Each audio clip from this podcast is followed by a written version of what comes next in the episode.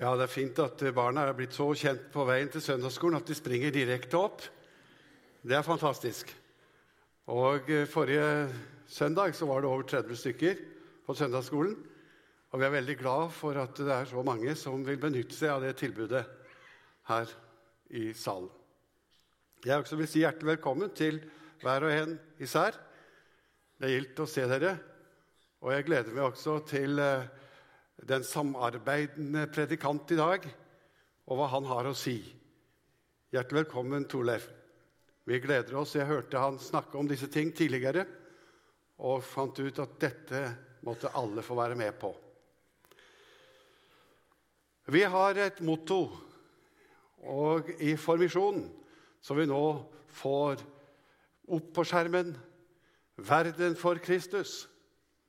Det er hovedmottoet vårt og selve driv, eller retningslinja for hele Misjonssambandet. Denne bevegelsen har dette som overskrift 'Verden for Kristus'. Og I misjonssalen så har vi også et, eh, en visjon som eh, dere ser. Vi ønsker å se mennesker forvandlet ved Guds ord. Født på ny til et liv med Jesus Kristus. Det er vår visjon. Og det er det vi ønsker, og det er derfor vi har disse møtene. Og det er derfor vi driver dette arbeidet. Og jeg syns det passer så fint å vise dette fram og løfte det opp i de tekstene som er i dag. Vi skal få høre litt om den store, vide verdensmisjonen i slutten av talen, hvor Torleif Vegge blir med og, og forteller litt om det. Og vi skal også se litt på, til å begynne med, hvordan Guds ord virker i menneskehjertene. Det er tekstene som er satt opp for denne dagen, som underviser oss om dette. Skal vi reise oss og høre teksten? Mye folk strømmet nå til fra byene omkring. Da en stor mengde hadde samlet seg om ham, fortalte han en lignelse. En såmann gikk ut for å så kornet sitt, og da han sådde, falt noe ved veien. Det ble tråkket ned, og fuglene under himmelen kom og spiste det opp. Noe falt på steingrunn, og det visnet straks det kom opp, fordi de ikke fikk hvete. Noe blant tornebusker, og tornebuskene vokste opp sammen med det og kvalte det. Men noe falt i god jord, og det vokste opp og bar frukt, hele hundre ganger det som ble sådd. Da han hadde sagt dette, ropte han ut, Den som har øre å høre med, hør! Disiplene spurte hva denne lignelsen betydde. Han svarte, Dere er gitt å kjenne Guds rikes hemmeligheter. Men de andre får det i lignelser for at de skal se, men ikke se og høre, men ikke forstå. Dette er meningen med lignelsen. Såkornet er Guds ord. Det ved veien er de som hører det, men så kommer djevelen og tar ordet bort fra hjertet deres, og for at de ikke skal tro og bli frelst. De på steingrunn er de som tar imot ordet med glede når de hører det. Men de har ingen rot. De tror bare en tid, og når de blir satt på prøve, faller de fra. Det som falt blant tornebusker, er de som hører ordet, men som på veien gjennom livets, livet kveles av bekymringer, rikdom og nytelser, så det ikke bærer fullmoden frukt. Men, den, men det i den gode jorden, det er de som hører ordet og tar vare på det i et fint og godt hjerte så de er utholdende og bærer frukt. Dette var ditt ord, Herre. Ditt ord er sannhet. Hellige du oss i sannheten. Amen.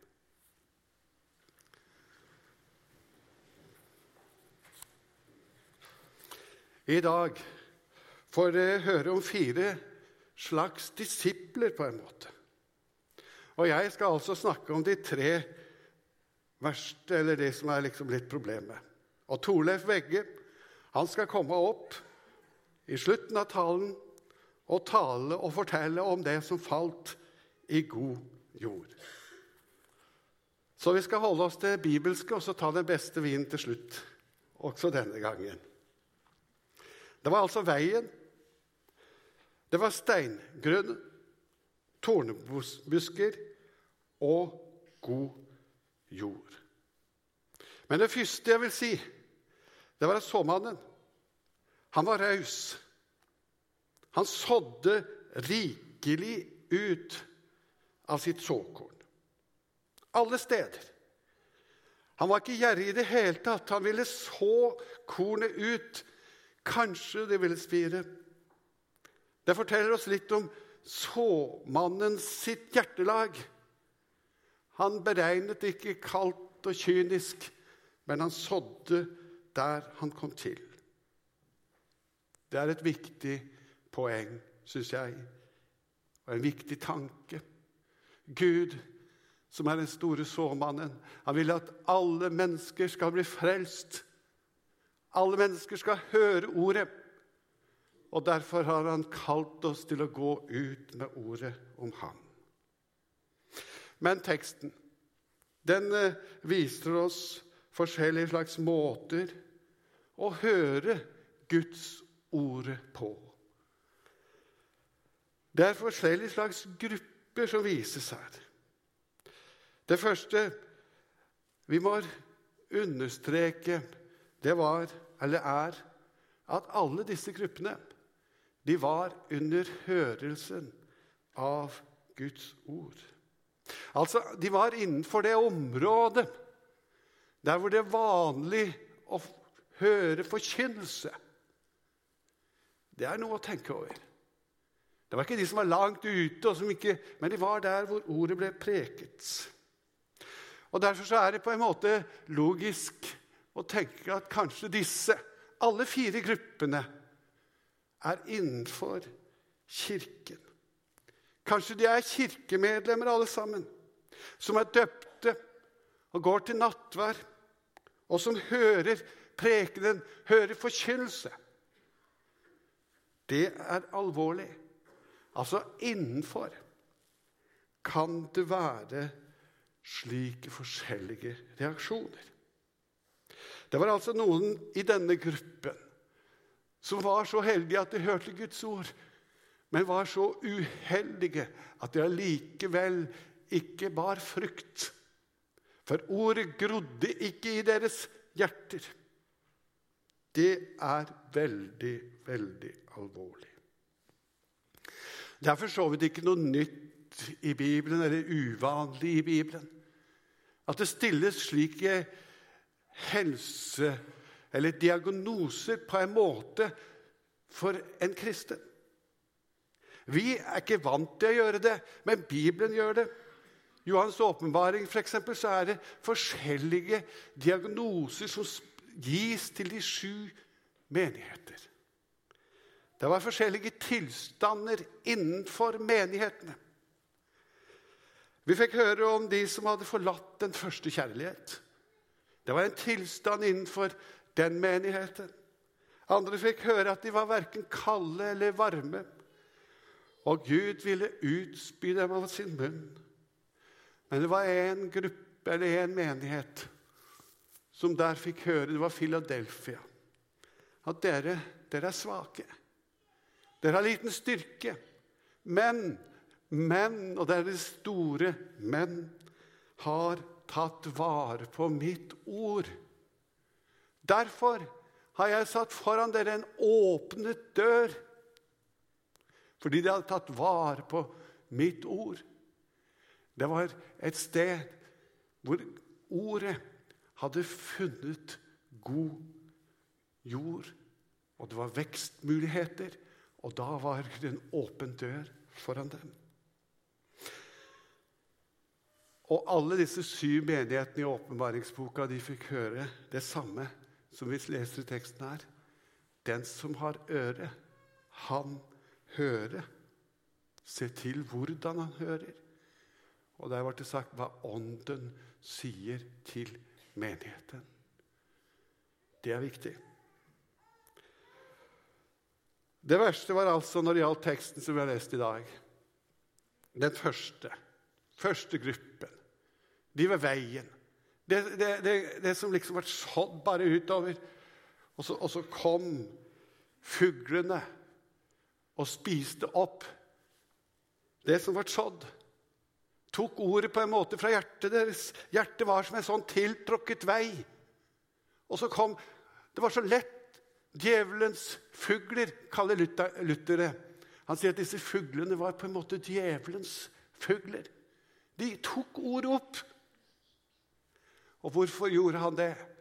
Jo, det var jo nettopp fordi at det ikke skulle bære frukt. Det første frukt som egentlig det er snakk om, det er tro på Bibelens ord. Det tas bort. Når, det, når det, hjertet vårt er som en tiltråkket vei. Dernest så er det omvendelsen. Det skjer jo ingen omvendelse hvis troen ikke skapes. Og det skjer ingen åndelige frukter der hvor mennesker ikke er omvendt.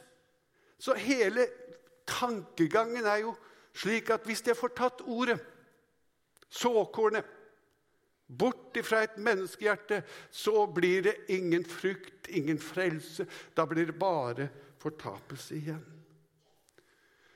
Derfor er det så viktig når du hører Bibelens ord, at du ber, at vi ber til Gud om at vi må få åpne hjerter for Gud.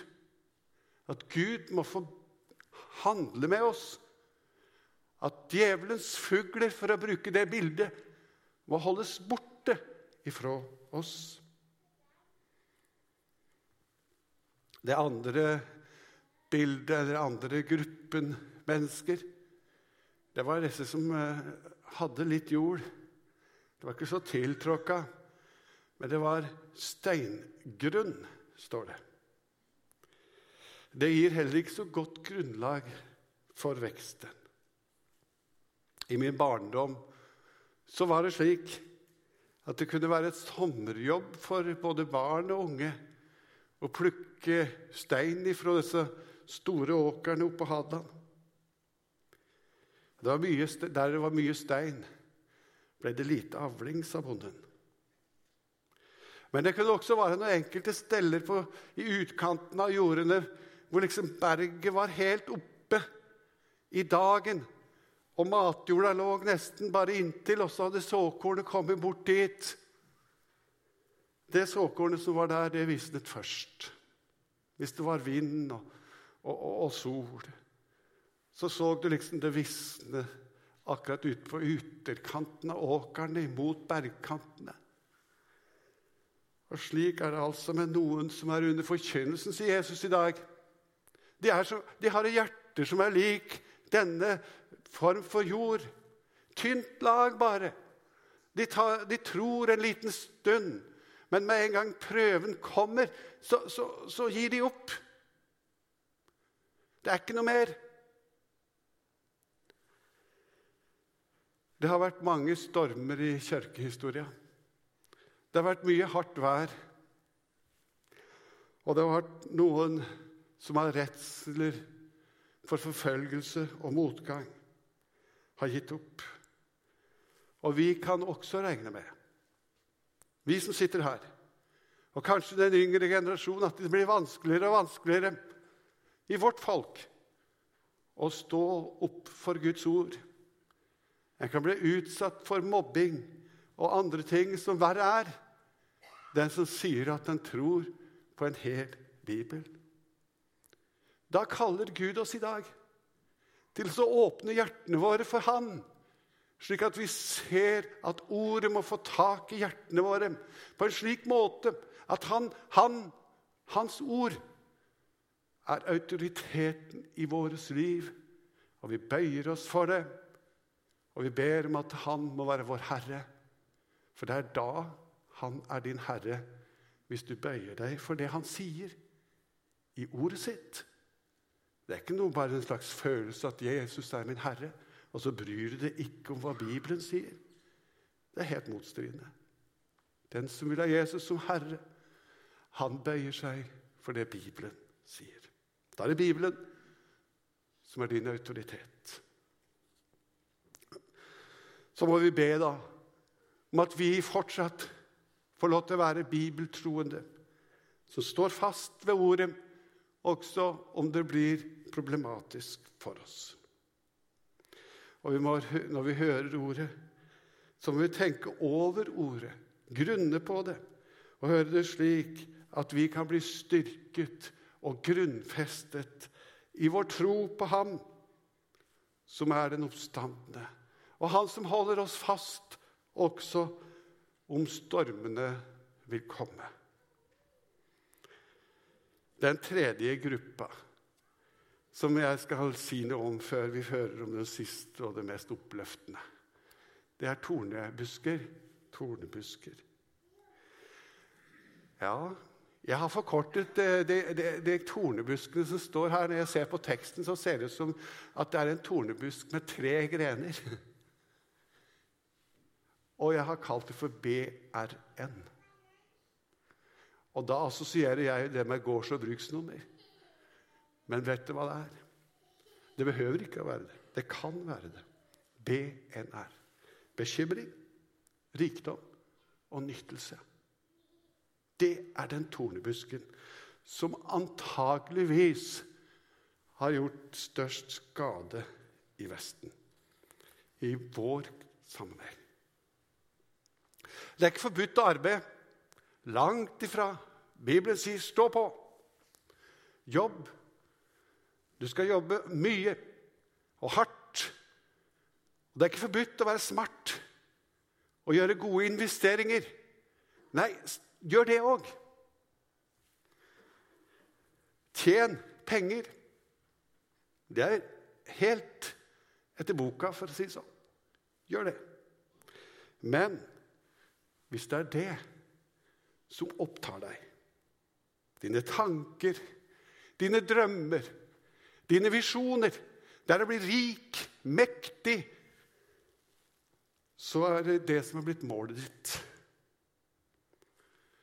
Jeg har drevet mye med slike ting og vet litt om hva det kan kreve av oss i perioder å ta et standpunkt for å følge Jesus. Vi i Norge, vi tror, jeg tror vi er fristet spesielt fordi vi er blitt så rike av bekymringer, av rikdom og nytelse. Og jeg tror dette ugresset her har tatt flere åndelige liv i den vestlige verden enn det som vi somme tider ser i media. Jeg tror mammon har tatt er en større trussel enn Mohammed. Hvordan skal vi forholde oss da til dette forferdelige BNR-viruset eller ugresset? Hvordan skal vi forholde oss? Jeg skal lese noen få bibel, korte bibelavsnitt. Der står slik Samle dere ikke skatter på jorden, hvor møll og rust ødelegger, og hvor tyver bryter inn og stjeler. Det er ett. En tanke. La det komme inn i ditt hjerte. Ingen kan tjene to herrer. For enten vil han hate den ene og elske den andre, eller så vil han holde seg til den ene og forakte den andre. Dere kan ikke tjene både Gud og mammon. Og i Lukas Se til at dere vokter dere for grådighet. Det er en advarsel vi, spesielt vi, ikke de andre, men vi her i Norge og kanskje i Oslo nå, i denne tid. Se til at vi ikke blir grådige. For ens liv består ikke i å ha overflod av eiendom, står det. Det er noe å merke seg i Lukas 12, 15. Og i hebreerne står det slik La deres ferd være uten pengekjærhet. Vær fornøyd med det dere har. For han har sagt, 'Jeg skal aldri forlate deg', aldri svikte deg. Og i første Tims så står det slik Men de som ønsker å bli rike, faller i fristelse og snarer, og i mange dårlige og skadelige lyster som drukner mennesket i ødeleggelse og fortapelse. Det er Bibelens ord. Gjelder dette oss? Gjelder det meg? Det er iallfall advarsler som vi må ta til oss. Kjærlighet til penger, står det. Det er rot til all slags ondskap. På grunn av denne har noen i sin griskhet kommet bort fra troen. Det er altså en farlig ting å bli for opptatt av disse tingene. Det er som, da blir det som dette treet, BNR-tre, som kveler ordet. Men du, Guds menneske, flykt fra disse ting og jag du jag etter rettferdighet, Guds frykt, tro, kjærlighet, tålmodighet og mildhet. Bekymringer. Det også er noe du står om i Bibelen. Og det står 'vær altså ikke bekymret' og si 'hva skal vi spise', eller 'hva skal vi drikke'? Hva skal vi kle oss med? Alt dette er hedningene opptatt av. Men den Far dere har i himmelen, vet at dere trenger alt dette. Søk først Guds rike og hans rettferdighet, så skal dere få det andre i tillegg. Bønn kan være med på å avløse denne bekymring som vi ofte kan ha. Vær ikke bekymret for noe, men la i alt det som ligger der på hjertet, komme frem for Gud i bønn og påkallelse med takk. Og Guds fred, som overgår all forstand, skal bevare deres hjerter og tanker i Kristus Jesus. Vi skal få lov til å tro på Gud, og skal vi få kaste alle våre bekymringer på ham, for han har omsorg for oss. Jesus han kommer til oss og advarer oss i dag om at når vi hører Guds ord, så skal vi være opptatt av det Guds ordet sier, og ikke la ugraset ta overhånd i våre hjerter. Jeg tror det finnes en motgift mot dette. Et hjelp som Gud har gitt oss. Som er god godt, godt for oss. Og det er at vi blir tjenende mennesker. At vi tjener andre. At vi løfter blikket litt og ser de, hva de andre trenger. At vi gir mye til misjon. Og jeg tror det er veldig sunt at den begynner kanskje med 10% av inntekten. Jeg tror det er en ordning som gjør at du liksom ser at her er det mitt ansvar er utover det å bare samle til meg selv. 10% Det er ganske mye hvis du tenker på å, å tjene mye, kanskje. Men om du tjener en million, så har du jo igjen 900 000 hvis du gjør 100. Så det skulle være lettere for oss som tjener mye, enn for de som tjener lite og nesten ikke har noe. Det er et godt råd. Og jeg tror at det at vi i Misjonssambandet har hatt og har verden for Kristus som visjon og mål for vår virksomhet, det er det mange rundt omkring i verden som har hatt stor glede av. Vi har sendt ut flere tusen misjonærer i løpet av Misjonssambandets historie. Disse har forkynt ordet, sådd ordet, utover områder som det ikke var sådd før. Tenk for et privilegium å få være med i det arbeidet. Tenk så stort det er. Og så har dette, dette kallet som Gud la inn over oss, det har ført til at mange rundt omkring det langstrakte land har samles regelmessig til Bibel og misjonsinformasjon, bønn og ikke minst offer. Og jeg tror det, at de har fått det kallet, det har betydd mye for de som har fått utsendingene. Men det har betydd mye for oss og som har vært hjemme og fått den, det oppdraget. Takk, Gud, for kallet du fikk. Takk, Gud, for at du fikk være med og fikk høre om de andres nød. Og fikk løfte blikket ditt litt opp fra deg selv og se noen der ute som aldri har hørt Guds ord, slik at du fikk lov til å være med. Og vi er så heldige i denne forsamling at vi har møtt noen av disse pionermisjonærene. Og han Torleif Vegge. Han er en av disse som vi gjerne vil ha på talerstolen. Og si til ham at vi er så takknemlige for at vi har noen av dere iblant oss. Og nå skal han fortelle om hvordan han opplevde det som falt i god jord. Og etterpå skal vi ha en bønnestund i lag. Vær så god. Såningssøndag, det er for meg misjonssøndagen. For misjon, det er å så og så. Så med ord, og så med gjerninger. Men det er bare Gud som kan gi liv og vekst. Jeg skal ta med noen få glimt fra Vadra stasjon, som vi var der for. Det er over 50 år som vi begynte. Kommer første bilde.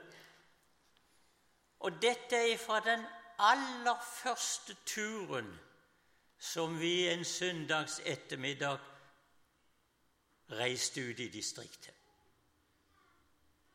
Vi reiste ut på måfå. Vi så noen mennesker langs veien et sted og stoppet og begynte å forkynne Guds ord. Dette er jordsmoden. Og denne steingrunnen, den ligger så nærme inntil den gode jord. Og det er så vanskelig for oss å kunne skille. Denne kvinna her til høyre, den hørte ordet, men trekte seg tilbake inn i mørket og ble borte. Men han mannen, han sto igjen og igjen i lyset fra evangeliet. Vi kom, vi sådde, vi kom, vi sådde. Og han ble en kristen. Siste søndagene, kveldene var i Vaddera, 69, så måtte jeg ut til han Båre. Jeg ble jo så glad i disse. Jeg måtte ut og ta farvel med han. Vi Du ser kanskje litt av hytta hans i bakgrunnen. Vi delte Guds ord og ba og tok farvel. Og så gikk jeg sammen med en evangelist nedover mot veien. Så snur jeg meg, og så ser jeg han Båre stå der aleine med hånda retta mot himmelen. Det var min siste hilsen fra han. Han hadde fått himmelhåpet. Tent ved Guds ord og ånd. Neste. Men vi måtte reise videre og komme opp her. Der, det var det flere. Vi kom i et skogholt. Og der ble det flere og flere som lytta til Guds ord. Og her er dagens stunder kommet da de står fram noen og avsverger Satan og all hans gjerning og gir seg over til Jesus. Hvis du ser der en mann, han som står ved sida han med staven Han hadde tre elfenbensringer rundt armen som tegn på at han hadde drept tre mennesker eller tre løver. Han ble den første åndelige lederen der. Du skal ikke forakte den ringe begynnelse. For ca. seks år siden så var jeg der ute igjen. Jeg ble invitert til å komme og være med på kirkeinnvielse. Det var den tredje kirka de bygde. Da var vi samla ca. 1000. De var kommet fra to forskjellige andre menigheter. Og blant disse 1000 var de fleste ungdommer. Guds ords og Guds ånds kraft og gjerning. Da vi hadde vært inne på dette stedet og var på vei hjem igjen Der var Anna Høgeveit med, og evangelisten Johannes, som du ser ryggen på. Så var det ei hytte som lå en ca. 50 meter fra veien, og Anna Høgetveit og evangelisten hadde vært innom der før. Og de syntes vi kunne ikke reise forbi ennå det var blitt litt seint.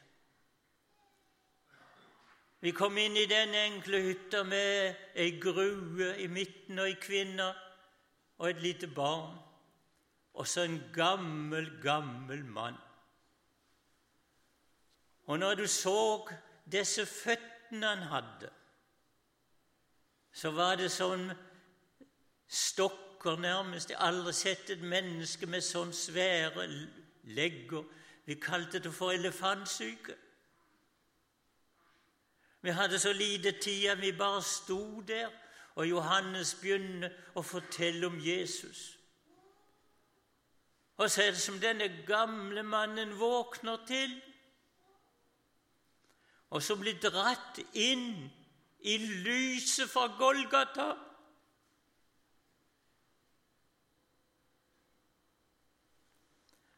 Og så kommer det jo hånd opp. Han var så svak, han satt bare på denne jordbrisken. Han satt med hånda og fingeren opp. Og så sier Johannes evangelisten, 'Er det noe du vil spørre om?' Ja, kan en nå nå få ta imot Jesus?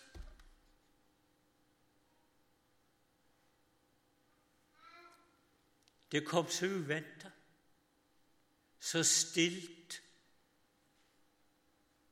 men så avgjort. Kan en nå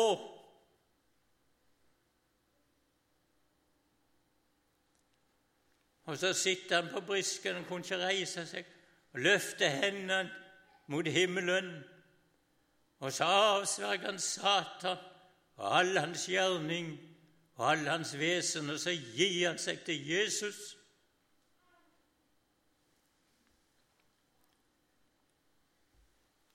Jeg så bort på Anna Høgetveit. Da renner der tårer nedover kinnet hennes. Vi følte oss på hellig grunn. Her førtes en hedning ifra lyset over i, ifra mørket over i lyset fra Satans makt over i Guds elskede Sønns rike. Ei hellig stund.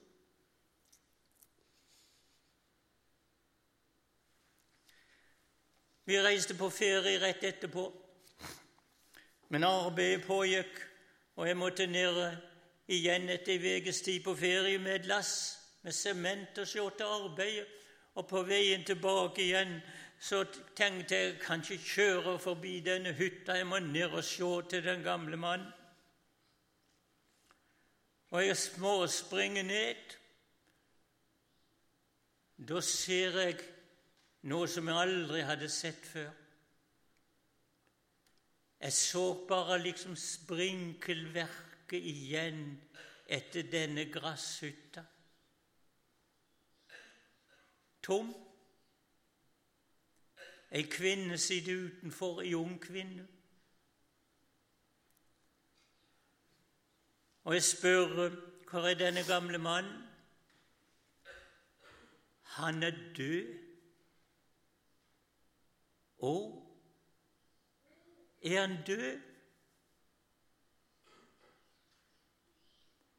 Så spør jeg, men denne gamle mannen, var han redd for å dø? Nei, sier den unge, han trodde. Jeg sto og tenkte litt til, og så spør jeg, men i hans begravelse ofra de til Satan? Nei, sier kvinna. Han trodde på Jesus.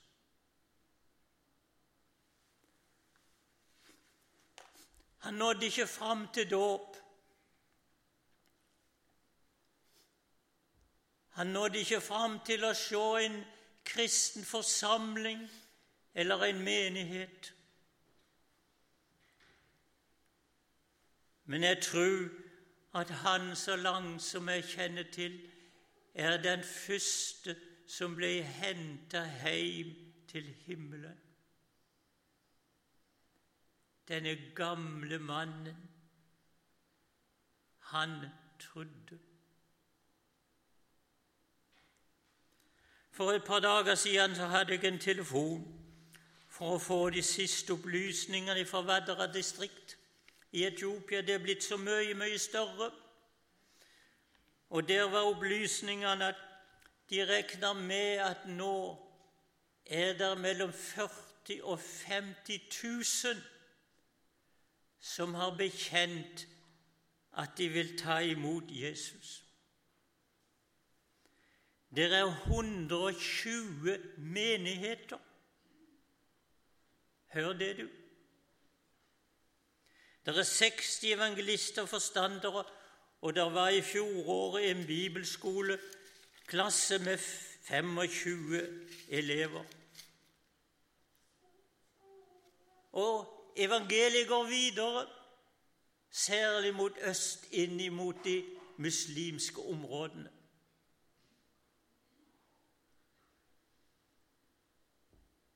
Kom og sjå Guds gjerning. Skal vi be? Kjære himmelske Far og Frelser, evige Gud, fredsfyrste, seiersherren fra Golgata. Vi kommer i Jesu navn for tronen, og vi ber Herre Gud, sjå i nåde til oss. Sjå i nåde til oss, den enkelte. Ta ikke De hellige ånd ifra oss, men gi oss igjen din frelsesfryd. Og forny, Herre Jesus, misjonskallet iblant oss. Herre, hjelp oss i denne tid til å få leve i lyset fra Golgata. Herre Jesus, sjå til oss, den enkelte og bevare oss i troen, Og jeg ber spesielt for de unge, Herre Jesus, at du i nåde kunne få nåde til dem og få gi dem kallet. Kall fra deg til å leve for deg. Herre Jesus, se i nåde til de mange misjonsmarkene, og takke, Herre, for din gjerning som du gjør der ute. I Jesu navn. Amen. Ja, Herre, vi fortsetter å takke og prise deg for din makt. Takke for det vitnesbyrdet som vi fikk høre nå fra Etiopia, om alle de tusen som har sagt ja til deg. Takk for at du kalte oss inn i dette arbeidet. Og nå ber vi igjen, Herre, kan du fornye dette misjonskallet og dette misjonssinnet og kan du sende ut mange nye, og spesielt til områder der hvor ordet ditt ikke er sådd. Vi ber Jesus om at du må velsigne alle våre utsendinger. Vi ber for Mongolia, vi ber for de andre misjonsfeltene. Herre Jesus, må du være med hver enkelt en og gi dem det du ser dem trenger i dag. Så priser vi ditt navn for at ditt rike vokser, og det kommer, og du seirer. Takk for dette, og takk for alle utsendingene, også de som gikk først. I Jesu navn. Amen.